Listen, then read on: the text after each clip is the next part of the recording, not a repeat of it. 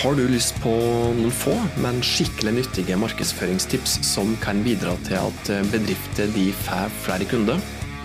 Vær så god, her har du fem markedsføringstips for små bedrifter. Hei, jeg heter Tornos Sperstad. Dette her er podkasten der jeg gir deg enkle, men gode tips til hvordan du kan bruke digital markedsføring til å få bedrifter som du jobber i, til å få både flere kunder og større omsetning.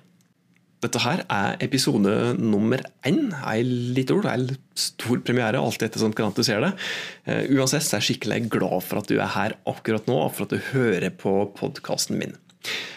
Planen er at uh, hvis jeg greier å holde planen min, tidsskjemaet mitt, så er det slik at du skal få uh, mulighet til å høre på en ny episode, laste ned en ny podkastepisode to ganger i måneden. Det vil si at uh, hver andre uke så kan du få nye digitale markedsføringstips fra meg i denne podkastserien her.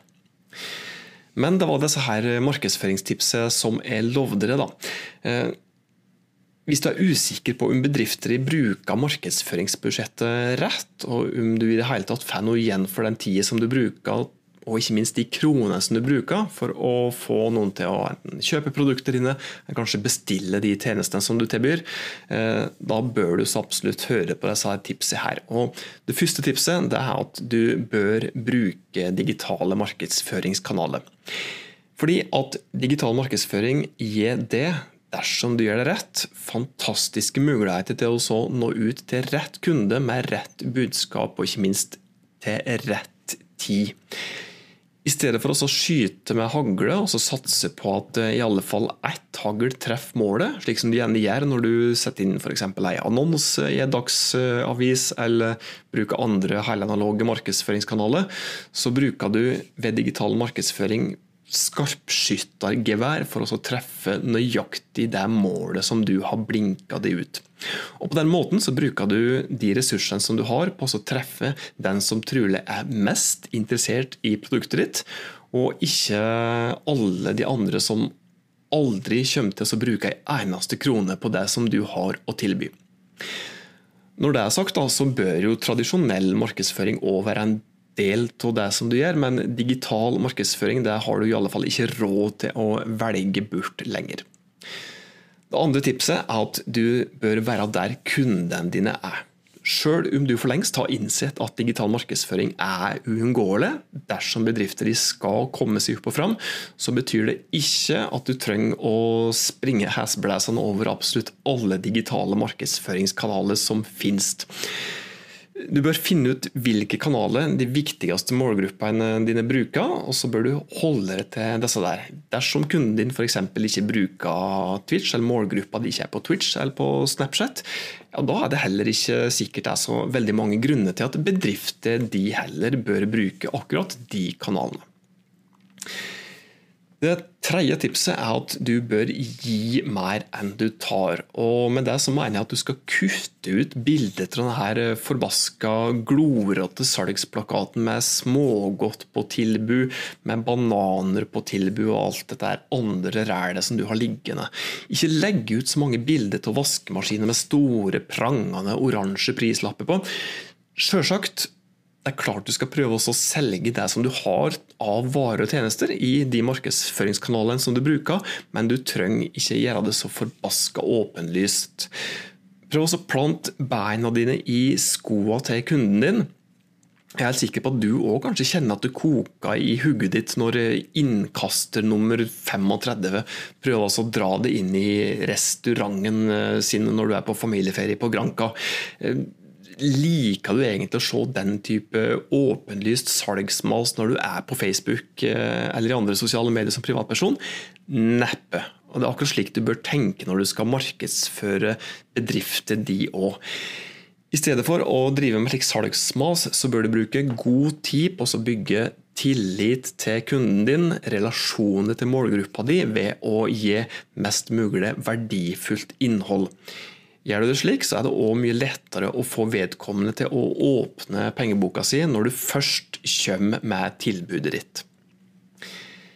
Tips nummer fire er at du skal følge lover og regler. Husk at du må forholde deg til både overordna lover og regler som gjelder i markedet ditt, og ikke minst retningslinjene som hver enkelt markedsføringskanal, f.eks. Facebook, har. Har du egentlig lov til å bruke det bildet som du fant i Google? Passer du på at du ikke bryter alkoholloven når du markedsfører spisestedet ditt eh, på Insta? Er du sikker på at du ikke bryter annonseretningslinjene på Facebook når du annonserer der? Konsekvensene ved å bryte reglene kan være store. I beste fall, hvis en kan si i beste fall, så får du kanskje en femsifra faktura fra fotografen som har opphavsrett til bildet som du har brukt uten lov. I verste fall så risikerer du å måtte stenge dørene for godt dersom regelen eller lovbruddet er stort nok. Neste tipset er at du må bruke tid og penger. Når du først har kommet så langt at du har funnet ut hvor du vil markedsføre bedriften din, så starter også den viktigste jobben. Og Det er ikke nok å opprette en Facebook-side eller en Instagram-profil for bedriften din, og så satse på at eh, alle de potensielle kundene dine kommer løpende bort i vill begeistring over at du faktisk har rota det til å komme det på, på Facebook. Du må regne med å bruke jevnt med tid og penger på markedsføring, både i form av egeninnsats i form av annonsekroner og kanskje òg innleid bistand, i alle fall hvis du jobber i en bedrift som ikke har eh, egne markedsføringstips.